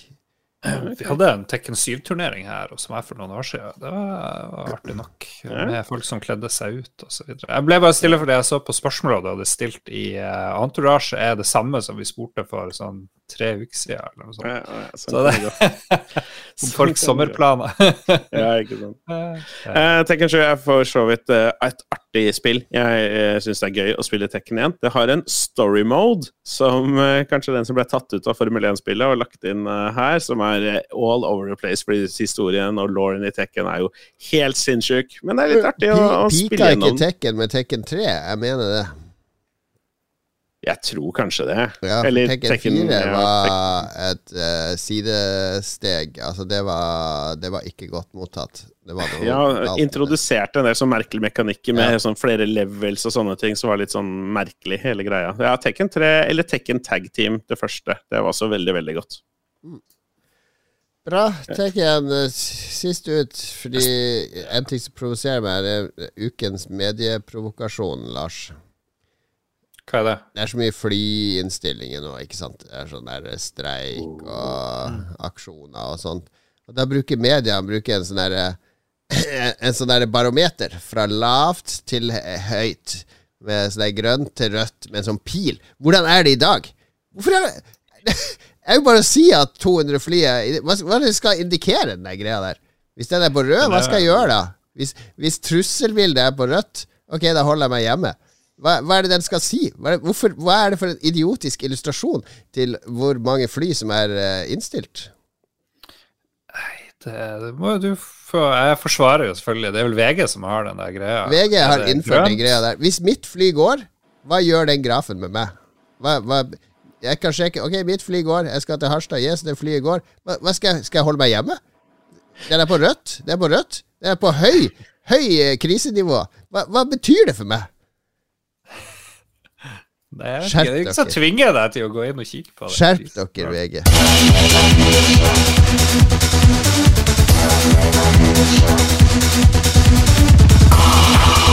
Jeg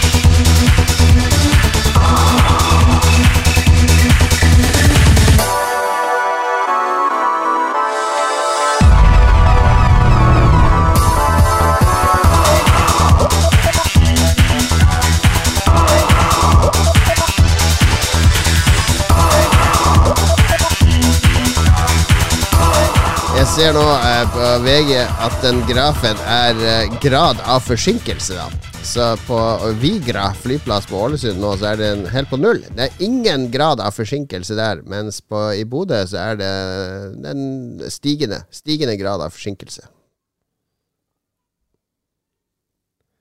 Nå har du muta deg sjøl, Filip. Det var det det var. For jeg tenkte kanskje det var i hvor stor grad du måtte være der tidligere enn forventa hvis grafen var på en måte høy. Da må du forvente mer venting eller noe sånt. Jeg vet, ja. Men det er ikke helt feil. Jeg vet ikke. Grad av forsinkelse heter den grafen, eh, Lars. Jeg kan informere deg på Bodø nå så er det lav grad av forsinkelse, men stigende. I Oslo er det middels grad av forsinkelse, men den er synkende. Det er vel inspirert av det her, alle grafikken fra korona, Det tror er inspirert av Fox News, la oss bare være ærlige. Dette er VG som har sånn her alert. Alert på alle nyheter nederst på skjermen. Nå blir de snart Dagblad. Jeg spår det her. Ok, Dårlig spådom. medieprat scorer dårlig i Lolbua, det vet vi, selv om vi ikke har brukt Questback til å kartlegge akkurat den innsikten. Det burde vi. Så la oss gå eh, kjapt videre. Det er straks juli, og hver måned så går vi jo gjennom spillene. Og siden dette blir siste normale episode før sommerferien, så må vi gjøre det her. Og da kan vi jo gi tommel opp, tommel ned. Vanligvis så har vi jo med eh, PC Master Race Mats, så nå blir det Final Fantasy Master Race Philip i stedet. Fi- Er det, det er sant at du er faktisk døpt Philip Fløgstad, altså FF Final Fantasy? Det kan umulig ha vært tilfeldig. Men hva, burde du ikke skifte navn til Philip Fløgstad den syvende? Tenk det, da! FF7. Å nei, det verste er at faren min I familien min så er det et mellomnavn som går igjen annenhver generasjon, Ja. og det er Syver. Og det hoppa Oi. over meg! Å, jeg kunne hett Philip Philip Fløgstad Syver! Syver. Herregud, Oi, du, oi. du, du, du, du har jo, står jo fritt til å skifte navn. da Jeg gjør det. Ok, gi meg fem minutter, da. Så. Philip Siver Fløgstad, vi skal gi tommel opp, tommel ned. Du kjenner konseptet eh, fra vår månedlige spalte. Jeg syns det er et godt Godt konsept. Godt, short og to the point. Vi, vi går ikke altfor mye i dybden på spillene, det kan vi ikke si. Men eh, vi gir vår helt ærlige, usminka dom. Ikke kjøpt og betalt av noen. Nei. Og vi gir enormt god innsikt i spill vi aldri har spilt. Korrekt. Første har vi allerede prata om. Det kommer jo FN 2022. 1. juli er den offisielle lanseringsdatoen. Da kommer spillet på PS4, PS5, Xbox One, Xbox Series X, Xbox Series S, er det det den heter?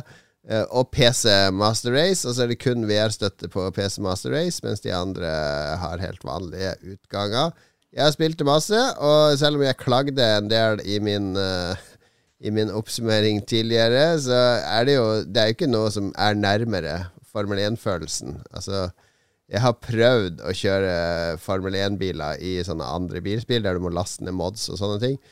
Det gir ikke den samme følelsen av å være på banen med Verstappen og Leclerc og, og de andre, og det å lage sitt eget lag og alt sånt er gøy, så det blir tommel opp fra meg. Jeg kommer til å bruke mange timer i det. Ja. Formel 1 er jo tommel opp uansett, egentlig, så det er Ja. ikke så veldig vanskelig å gi det, altså. Ja, nei, hører du, Philip?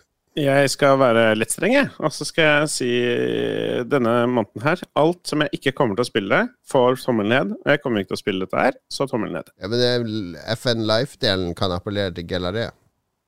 Med å lage leilighet og møbler og sånne ting. Tommel opp. Yay!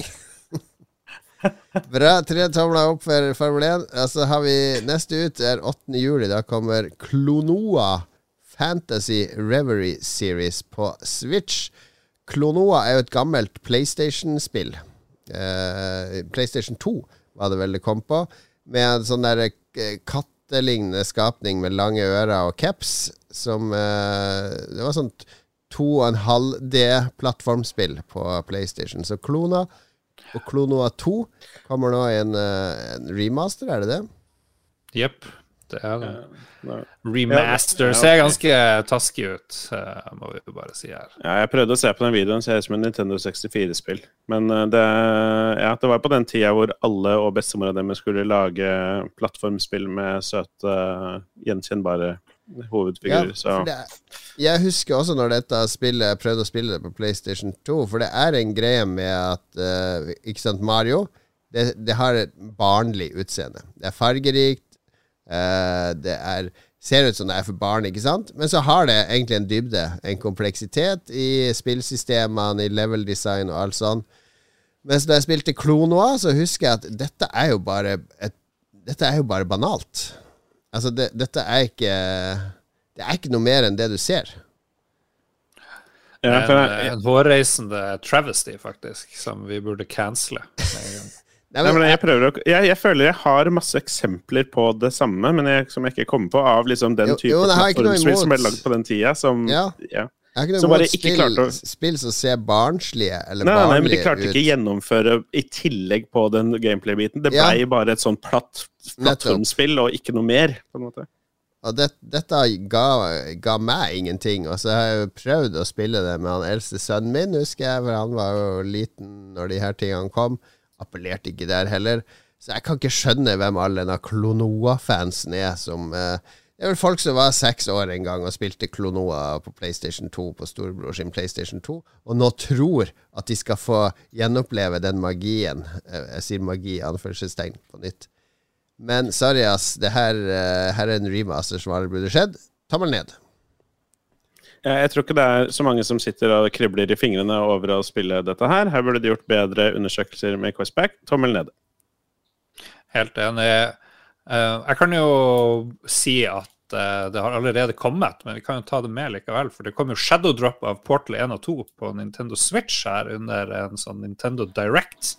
Og det er jo huge fucking shit, fordi da begynner jeg å håpe at det kommer noe eh, greier også til andre plattformer. For jeg har sittet og spilt Xbox 360-versjonen på, yeah. på Xbox Series X-en min, bare fordi jeg har lyst til å spille litt, eh, litt Portal. Men det, det er veldig lav FPS og sånne ting. Så bare noe. Hvis de bare kan få det til å gå smooth, så er jeg med. Fordi du finner ikke noe Hvor smooth som bare det på. PC-en din. Ja, det, det teller ikke. Det teller ikke. Der spiller jeg bare Amiga og Commodore 64. Eh, Men ga du tommel opp eller ned til Klono, Lars? Eh, tommel opp. Nei. Nei, det er jeg ga tommel ned. Tommel. Okay. Fra tre tomler opp til tre tomler ned, altså. Neste ut er det, en det kan vi ta i et sidesteg, for det har jeg jo også testa. Burde jeg tatt med i forrige. Men jeg har jo også signa opp på den dyreste PlayStation-abonnementet. Det som koster tror jeg, over ja, Det er vel nærmere 2000 i året. Måtte jo teste det, se på utvalget. Uh, og det var mest uh, jeg, jeg fikk med meg at det kom, men så tenkte jeg ja, ja, det Som jeg alltid tenker at ja, ja, det får jeg sikkert sjekke ut en gang, og så glemmer jeg et halvt minutt etter. Men så var det han yngste sønnen min. Han driver og spiller eh, Overwatch og sånn med min mellomste sønn og vennene hans. Og så er ikke han like flink som de, så er, noen ganger så føler han seg litt sånn der er ikke så gøy å spille med de, pappa.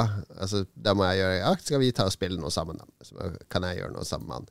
Og så skulle vi ned og se, og så ga han på hm, det er jo plutselig sånn enormt bibliotek hvis jeg signer opp her av sånne gamle spill på PS3 og sånne ting. Så la oss prøve det, så finne noe der. Og det fant vi, for han er glad i å spille sjakk, så fant vi noe sånt eh, Chess versus Battle, eller noe sånt. Ikke Battle Chess, men Chess versus Battle. Jeg, ok, det er kult. Det er sånn sjakkbrikker som slår hverandre i hjel og sånn. Da kan vi spille sjakk, og så kan man også ha sånne små kamper. Du tar dronninga bort der, så slåss dronninga mot hesten, og sånn. Der skal man styre figurene sjøl. Det var forferdelig, forferdelig dårlig, men det var Det, det var sånn streamespill, så det ble streama, og det fungerte egentlig helt greit. Uh, det ble ikke lasta ned, det ble streama fra en PS3 et eller annet sted i verden. Så Det fungerte greit, men det, det så ut som utvalget er ganske bra. Jeg ser jo at nå er det think-piecer overalt. Som, er dette en GamePass-killer? Nei, det er det ikke det! Det er ikke det! Det er ikke line-upen fremover! Og bla, bla, bla, analyse, analyse! Kan Herregud. avsløre her til alle Xbox-fansa. Synes ikke det er en Xbox eh, En GamePass-killer. Nei, og Gamer.no var meget kritisk til at dette er ikke noe GamePass-killer. Det er fair enough, men det er, det er faen fuckings nok spill her til at du kan spille resten av året og aldri gå tom. Uh, og det er en masse bra spill her òg. Red Dead Redemption og en masse annet. Uh, og så tror jeg det spillet som kommer nå Jeg skal ikke kaste noe terning over de her dommene. For de som vil ha et tonn med spill å spille, ikke tenke sjøl, ikke finne Jeg liker jo Jeg har lyst til å se den filmen her som jeg leser om i denne artikkelen. Jeg har ikke lyst til å gå på Netflix og la Netflix bestemme Nei, du skal kun forholde deg til dette snevre utvalget filmer i hele verden, fordi det er denne tjenesten du har betalt for. Men for de som vil ha det sånn, så er det sikkert fin tjeneste på lik linje med GamePass. Harde meninger i Lolbua. Ja, det er knallharde. Men grunnen til at jeg kom på det nå, er jo at Stray, dette kattespillet som er neste spill ut, kommer 19. juli. Det er jo dette få spill som kommer til launch til Sony sin tjeneste. Eh, Jeg mener at det skulle ut til eh, de elitemedlemmene eh, gratis. Ja. Mm. En katt som går rundt i en futuristisk, eh, cyberpunk-aktig verden. Eller en verden fullt av roboter. Ja, det ser sånn ut. mennesker. Hvor er menneskene? Kanskje de er der et sted? Jeg vet ikke. Katt med sånn her liten ryggsekk. Noe. Ser veldig pent ut, ser veldig stemningsfullt ut. Og så får vi bare håpe at det er eh, Det er noe med å være et dyr i en menneskeverden som appellerer til meg. eh, og litt sånn futuristisk og roboter. Så soleklar tommel opp fra meg. Hvem er det som har lagd det her, liksom? Det Annapurna. Annapurna som gir ut. Blue 12. Ja, nettopp. Jeg, jeg, jeg, tommel opp. Jeg kommer til å spille det. Streame det. Og det er kun PS5? Ja, ja, det, ja, ja. Hvis det er et ønske? Ja. Ja. PC òg, tror jeg. Og det er det, ja. Ja, der blir det Ja, jeg tror det blir på Master Race. Ja ja, det er på Steam. Ja, Da kan vi gjøre det. Ga Lars også opp? Lars Tommel. Eh, tommel opp. Du glemmer Ja, alltid tommel, tommel, Lars. Vi har hatt det ja. konseptet nå et år. Det er alltid det som er Hva ga du på tommel på sist? Hva ga du på tommel på sist? Sitter og ser på YouTube-videoen for neste spillet. Ja, for neste spill er et spill som heter As Dusk Falls. Neste spill, As Dusk Falls, 19. juli, det, ja. Ja, ja, takk. Takk for at du sier det samme som meg. Hører du meg? Er det feil på linja? Så har vi et Dusk Ja, som er et jævla. Hallo? Nå, nå Ikke gjør sånn at vi må klippe i episoden. Ok, Xbox Game Studios har, uh, som gir ut det her. Det var, fra, var på Xbox og Betesta Games Showcasen i år. Eh, litt sånn cartoonish uh, narrativt uh, spill. Jeg skjønner ikke noe av den traileren. Det er veldig storyspill, ser det ut som, i hvert fall. Ja, jeg så noen branching storylines. Så du tar vel noen valg, og så Ja. Interactive drama videogame kaller, kaller de det for. Det er laga av noe som heter Interior slash Night. Det er en veldig kul sånn cartoon-stil, men eh, Jeg vet ikke Er dette noe Jeg har jo Den spilt det derre besta release, ser det ut som. Jeg har spilt de der spillene som jeg ikke husker hva jeg aldri husker hva heter, med Ship of Medan og de semi-interaktive historiene der. Så Ja. hvis det er noe hvis det er, hvis det er noe co-op, så kommer jeg til å spille det. det Studio eh, Interior Night ledes jo av Caroline Marshall, som eh, var lead game designer i Quantic Dream. Så hun eh, kommer jo fra Oi. David Kash sin School of eh, Narrative Storytelling. Hun var lead game designer på Heavy Rain og Beyond Two Souls. Ja, det kan bli bra. Det blir sikkert uh, nice. Og så var det mye ute i ørken, og da tenkte jeg selvfølgelig med en gang på uh, det definitive ørkenspillet uh, It Came From The Desert på eh, Amiga, og da liker jeg selvfølgelig også det her. Og gir deg alltid først ut med tommel. Stor tommel opp. Ja, ja, ja. Uh, Philip? Jeg prøver fortvilt å finne om det har lokal co-op eller ikke. For hvis det har det, så tommel opp. Hvis ikke Co-op er jo et sånt spill der du skal velge Skal, skal jeg kysse mamma, eller skal jeg kysse ja, pappa? Liksom. men noen av de kommer med sånn sende kontrollen i sofaen-mode, og det er kjempegøy. Og da gjør ikke dette spillet, så tommel ned. Ja, tommel jeg kan, Det første spillet fra et nytt studio, jeg kan ikke gi det tommel ned. Det kan ikke være så ekkel. tommel opp fra meg òg, og Lars lover å streame det fra Xboxen sin. Kult. Join friends or play alone, står det. Gud Da fikk du den, Filip. Ok, Ending. Extinction is forever er neste spill ut. Kommer 19. juli. Masse som kommer 19. juli. Kommer det her òg 19. juli? Ja. Er dette en liksom reveversjon av The Stray? Og Switch, der du skulle være en rev, ser det ut som. Er noe forurensning. Mystiske mennesker. En rev som beskytter familien sin. Dette er veldig Wholesome Games-aktige ting. Så ut som det der Firewatch. Stilen fra Firewatch, nesten. Ja, det ser ut som blanding av Inside og Firewatch. Ja, Kan være greit. Inside godt. Ja, det er ut som en 2D eh, plattform, action, eventyr. Vet du hva, dette skal jeg gi det tommel opp. Jeg skal være eh, snill. Eh, glad i dyrene. Tommel ned, stor tommel ned. Det er ikke PlayStation 5 Enhanced eller Xbox Series X. Det står PS4 og sånn drit. Det Jeg lever ikke i fortiden. Og Philip, du glemmer bestandig å gi tommel Ah, shit. ned. Sorry. Uh, jeg gir tommel eh, Åh, jeg har litt lyst til å mislike det fordi det er bare PS4 og sånn, men jeg gir tommel opp, jeg. Det ser litt koselig ut. Jeg har lyst til at Gelaré skal spille. Supert. Siste ut er altså 19. juli. Da kommer det en utvidelse til Forza Horizon 5 som heter Hot Wheels. Ja, Der sånn man kan leke- kjøre disse lekebilene på lekebaner i uh, Forza Horizon-verden. Altså Det er sånne baner satt sammen av digre plastskinner i looper og sånne ting. Sånn som Hot Wheels-lekesettene der, Å kjøre over lava og diverse. Ser jo veldig pent ut. Ja. Ja. Er dette noe Forsa-fansen har ønska seg lenge? Ja, Det ser ut som man kan bygge baner òg, med brikker fra Hot Wheels-byggesett. Så ja, Jeg vet ikke, jeg liker jo ikke Forsa Horizon 5 i utgangspunktet, så jeg kommer jo ikke til å spille det her, så jeg skal bare gi det tommel ned, tror jeg.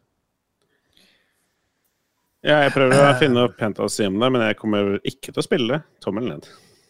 Jeg skal, det kommer sikkert på GamePass, og det her så faktisk litt artig ut, så det skal jeg prøve. Ja, det ser litt artig ut. Jeg skal innrømme det. Og så må jeg innrømme at jeg liker at Forza Horizon har sånn her Det de forrige hadde vel en sånn Lego-expansion med Lego-biler og sånne ting, og den her har en Hot Wheels. Jeg liker at de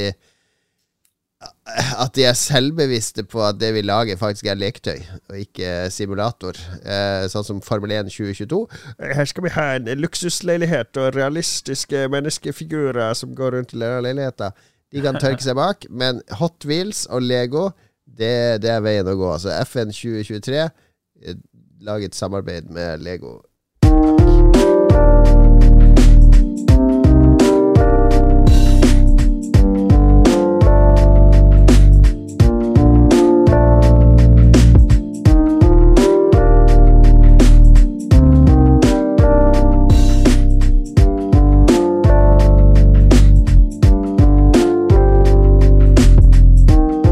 Philip er på do.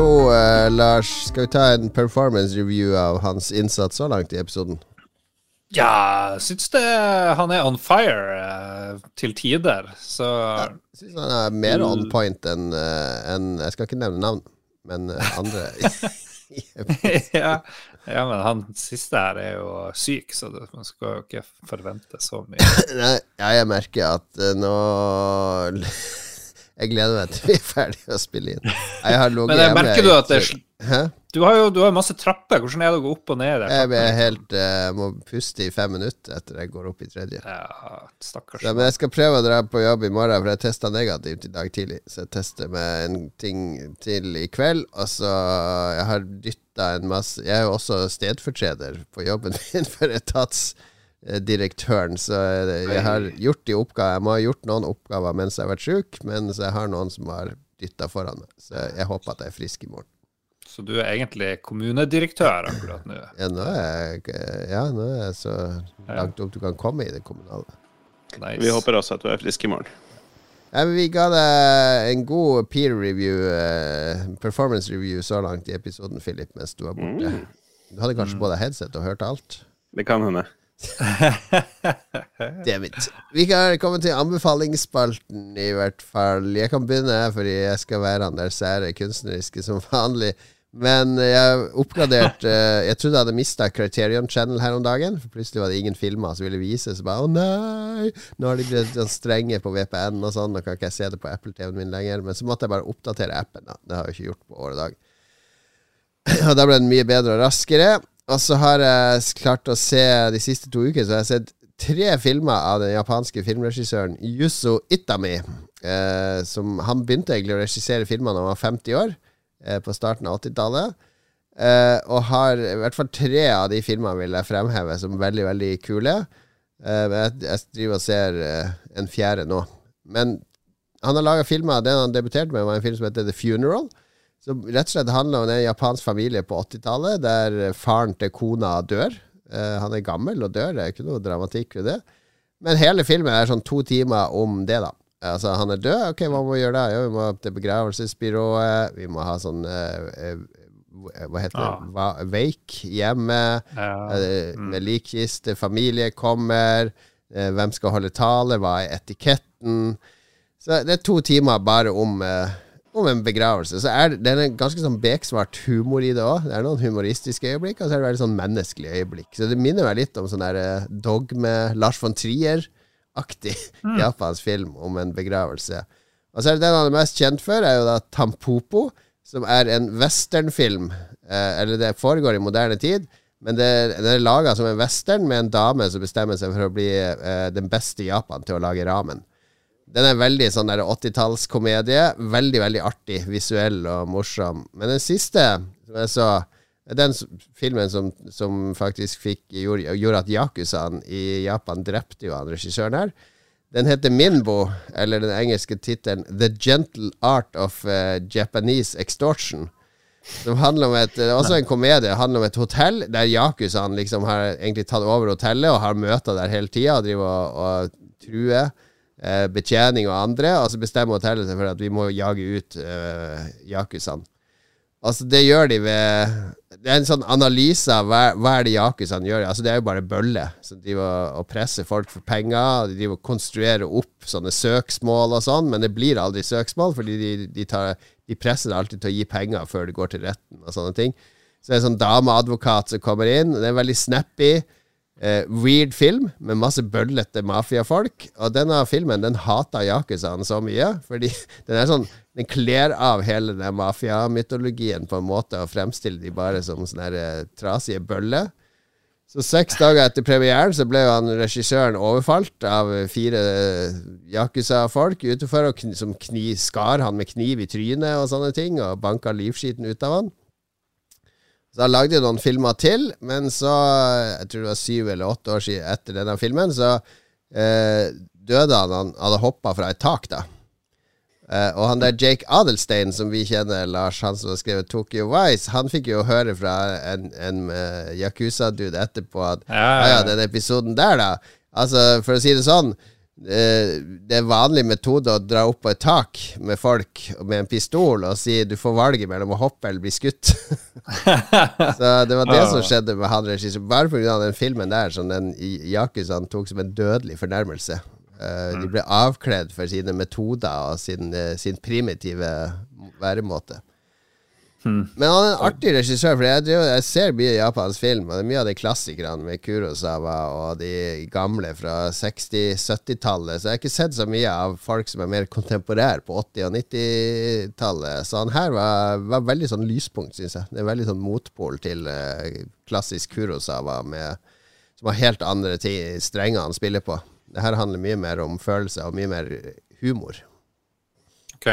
Uh, når du nevner jaksa, så så jeg en dokumentar. Det var en ganske skittig dokumentar. Jeg tror den er på Amazon Prime, hvor det er sånn 90 drit og noe er bra. Og det er de der, det er for å følge yakuzaen i moderne tid, og det er faen meg skygge, skygge av seg sjøl. Det det er sånn Vice TV-greier òg, der de drar ut til en sånn forstad i Tokyo og skal møte noen, og det er noen sånn stakkarslige folk på en sånn kaffebar. Ja, det er unge, unge gutter uten noe særlig mål og mening, og gamle gubber som prøver å leve på gammel Ja. storhet. Nei, det er, tror jeg er trist. Det er ikke mye, er ikke mye lillefingre og ryggtatoveringer igjen der. Nei. Sånn semirelatert så var det noen Martin eh, fra Magiske Musikk. Han spurte på discorden vår om noen har sett Satan Tango. En eh, visstnok eh, veldig fin film i noen kretser, og lurer på om de er verdt de syv timene som den er hypa opp eh, til å være. Og Jon Cato, du veit kanskje det? Nei, dette Jeg prøvde å se sånne tyske filmer på tolv timer uten å klare. Men, men denne, denne er ny for meg. Sa, Satantango. Ja. Det er visst en klassiker hos de mest snobbete filmelitister. Ja, det var sånn mye sånn timinuttskutt. Uh, det er bare 150 ulike klipp i filmen, og mange av scenene varer i sånn ti minutter, sto det i en eller annen review. Så det der er noe for uh, Jon Cato de luxe, altså, tenker jeg. Ja da, dette må jeg sjekke ut. Fra Ungarn, så det er midt i blinken for meg. 100% approval rating på Rotten Tomatoes med 21 reviews. Ok, nei, men det, det her skal jeg finne ut av. Eh, dette er noe for meg. Det er litt for nytt for meg. Det er 1994, vet du, så du må gjerne være litt eldre. Men uh, det er akkurat i grenselandet, så dette kan gå. pine, pine deg gjennom det. Det er traileren, Siste minuttet av traileren er en sånn jente som går med en katt i hånda. Det er bra. Satantango. All right. Hvor vi var hen? eh? Få, Skal få vi oss ned på jorda igjen, Lars. Altså, jeg Ja. ligger jo på Criterion Channel. Ja, det kan du Eh, jeg vet hva jeg skal gjøre i helga. Uh, jeg drev og leste på NRK, eller jeg så en lenke et eller annet sted, om at uh, pasjonsfrukt det driver en sånne her eh, norske forskere og sjekker ut fordi de skal finne, finne noe sånn her eh, Alzheimer-kur eller noe sånt. Og der han forskeren, han ene forskeren der, han sier han spiste hver morgen og kveld. Fordi det, det er noe eh, research tall viser at i land som spiser mye, mye porsjonsfrukt, har de mye mindre demens og Alzheimer enn andre. Så han spiser hver morgen og kveld, han er hovedforskeren, for han mener det er nok bevist at det her er kjempesunt. Så i dag, da jeg var på butikken, så måtte jeg først finne ut eh, hva er pasjonsfrukt, for jeg har aldri kjøpt det før. Og så prøvde jeg å finne ut hvordan vet jeg om eh, hvordan skal den se ut når den er moden. Jeg aner jo ikke. Skal den liksom være hard? Skal den være løs? Så møtte jeg tilfeldigvis en kompis, han sa at den skal være litt sånn, ha tynn, tynn, uh, tynt skall. Det er det du skal se etter. Jeg bare, ja vel. Så jeg tok de som så dårligst ut, de med tynne skall. Så kanskje de er sånn råtne og dårlige. Jeg vet ikke.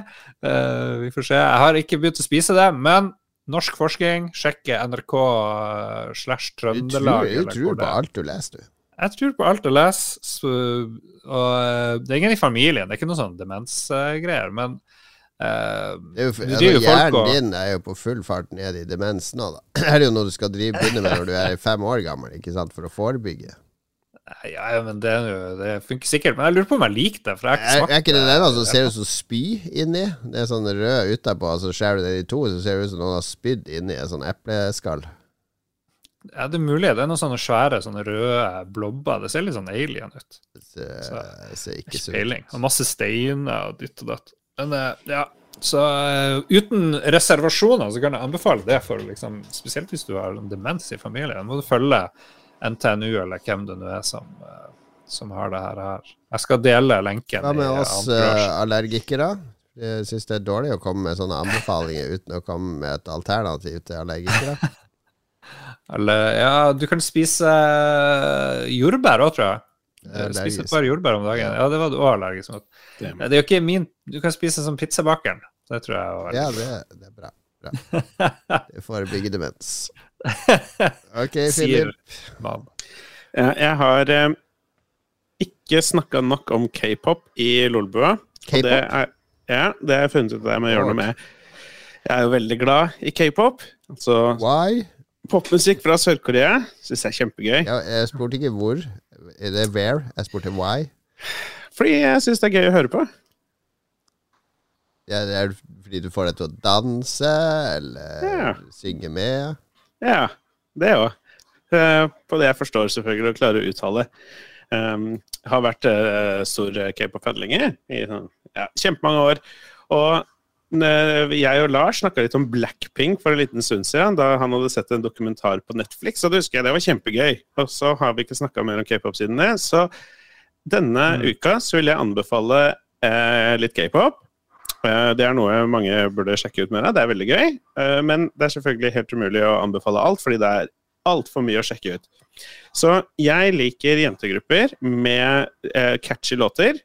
Og da vil jeg anbefale at man sjekker ut en jentegruppe som heter Twice. Noe så enkelt som Twice. Det er litt sånn mainstream, eh, men de er megasvære og har en million kjempekule, kjempecatchy låter som jeg anbefaler at man hører på eh, og ser videoene på, fordi jentene er også veldig søte og flinke til å danse.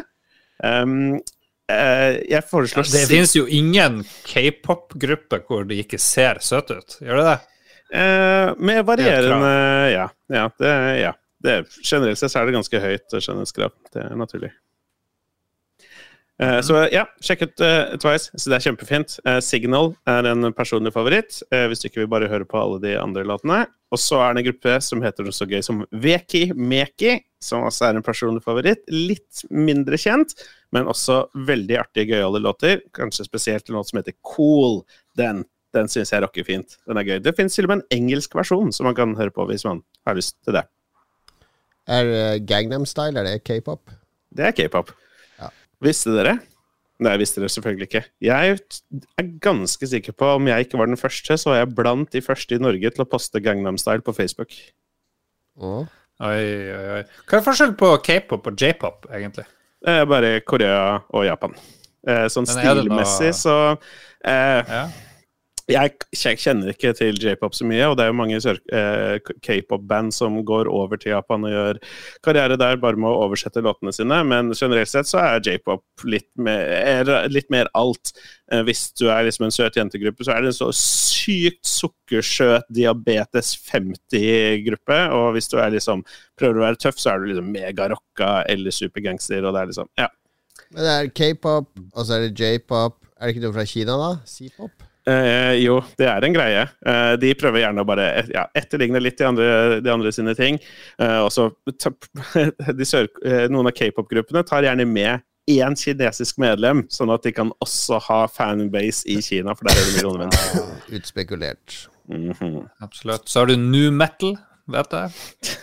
ja, det tror jeg nå er noe litt annet.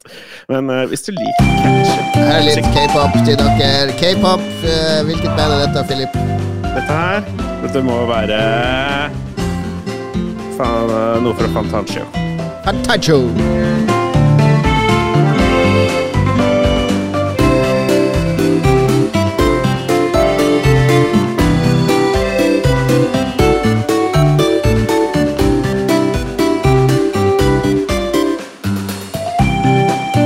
faktisk ekte k-pop, for det er Kirby-pop. Eh, musikk fra Kirby, et eller annet Kirby-spill. Mm. Det var det. Har vi fått uh, Siden du spurte om det samme vi spurte om for tre uker siden, så håper jeg at vi har minimalt med lytterbidrag. Okay. Nå må jeg bare ta minimalt med selvkritikk her. All den grad at fem minutter før vi skulle spille en episode, så å, vi har ikke noe lytterspørsmål. Fem minutter er all tid i verden i Lolbua-sammenheng. ja, vi slang ut noe da, i hvert fall.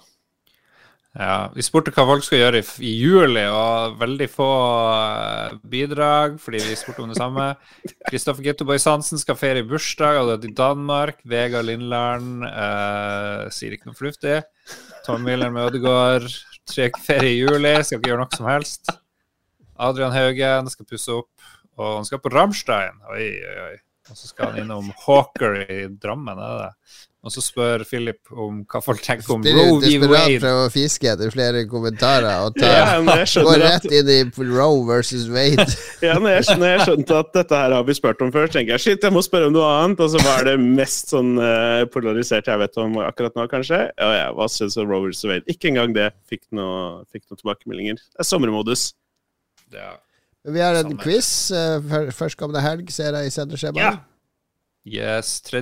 juli så skal Kampsauen uh, stå opp fra de døde. Han solgte PC-en, og han fikk barn, men nå er han tilbake altså 3. juli klokka 21 søndag. Be there. Våre quizer er i discorden, så hvis du ikke vet hvor discorden vår er, så skal vi poste en greie på, på Lolbo Entourage på Facebook-gruppa vår. Så. Så drar man til discord, og så får man til quiz-chat-kanalen der, og så, eh, så, er man med. Så ja. hører man lyden av eh, kampsauen eh, stille spørsmål, og så kan man svare enten i tekst eller med lyd. da. Så er det bilder av spill, og det er lyder av musikk man skal gjette osv. Det har vært veldig godt besøkt og veldig god stemning. Det kan være noe å gjøre nå når sommeren begynner, folkens. Jeg merker at uh, halsen min begynner å svikte veldig nå, så det passer bra å gi seg nå. Kanskje vi skal takke produsentene først, og da foreslår jeg at dere to inntar rollen som to massører på dette spahotellet i Spania. Og som de gode massørene dere er, så tilbyr dere jo alltid happy ending. Så bare les navnet deres som om dere er massører som tilbyr dem happy ending. Det er veldig forutinntatt mot massører, men OK. Det, vi tar oppgaven. Skal vi se. Uh, hello. Uh, buonasera, tette eksempel. Vil du ha det oppe eller nede? Buenos noches, Cobra Car 84. Uno mas happy ending? Uh, Duka Jarlsberg, uh, uh, so pretty by. Uh, let me touch you. Bjørn Midland, kom her. En kom. Uh, Rebecca Mø, no ladies, please. Go away. No ladies, no, I kid. Come, let me stroke your supple. Oh. Oh your shopping bags are so big. Hello, Sir Lem. Give me your Lem. Mm. Oh, Frode, Frode-san. Frode, come to me. Uh, I magic spell you with my hand. Alltid Magnus, alltid happy ending. Det var, jeg, jeg, skjønte at det var en dårlig idé med en gang Lars begynte med Ja, asiatiske aksenten. Ja, uff. Nå blir vi cancelled. Beklager det. Lolbø er cancelled gjennom hele sommeren. Vi høres igjen hvis vi får lov. Ha det bra. Ha det bra.